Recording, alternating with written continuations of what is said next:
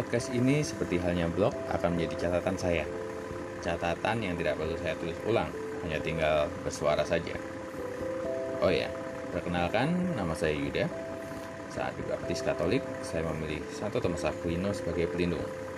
Karena dari tulisan-tulisan beliau lah saya mendapat jawaban awal sebagai perkenalan saya dalam lingkungan gereja Katolik.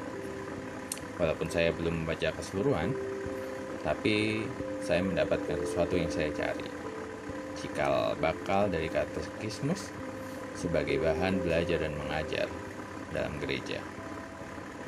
Saya pernah aktif dalam SKKS, namun merasa harus mundur sementara untuk menenangkan dan meredam hati.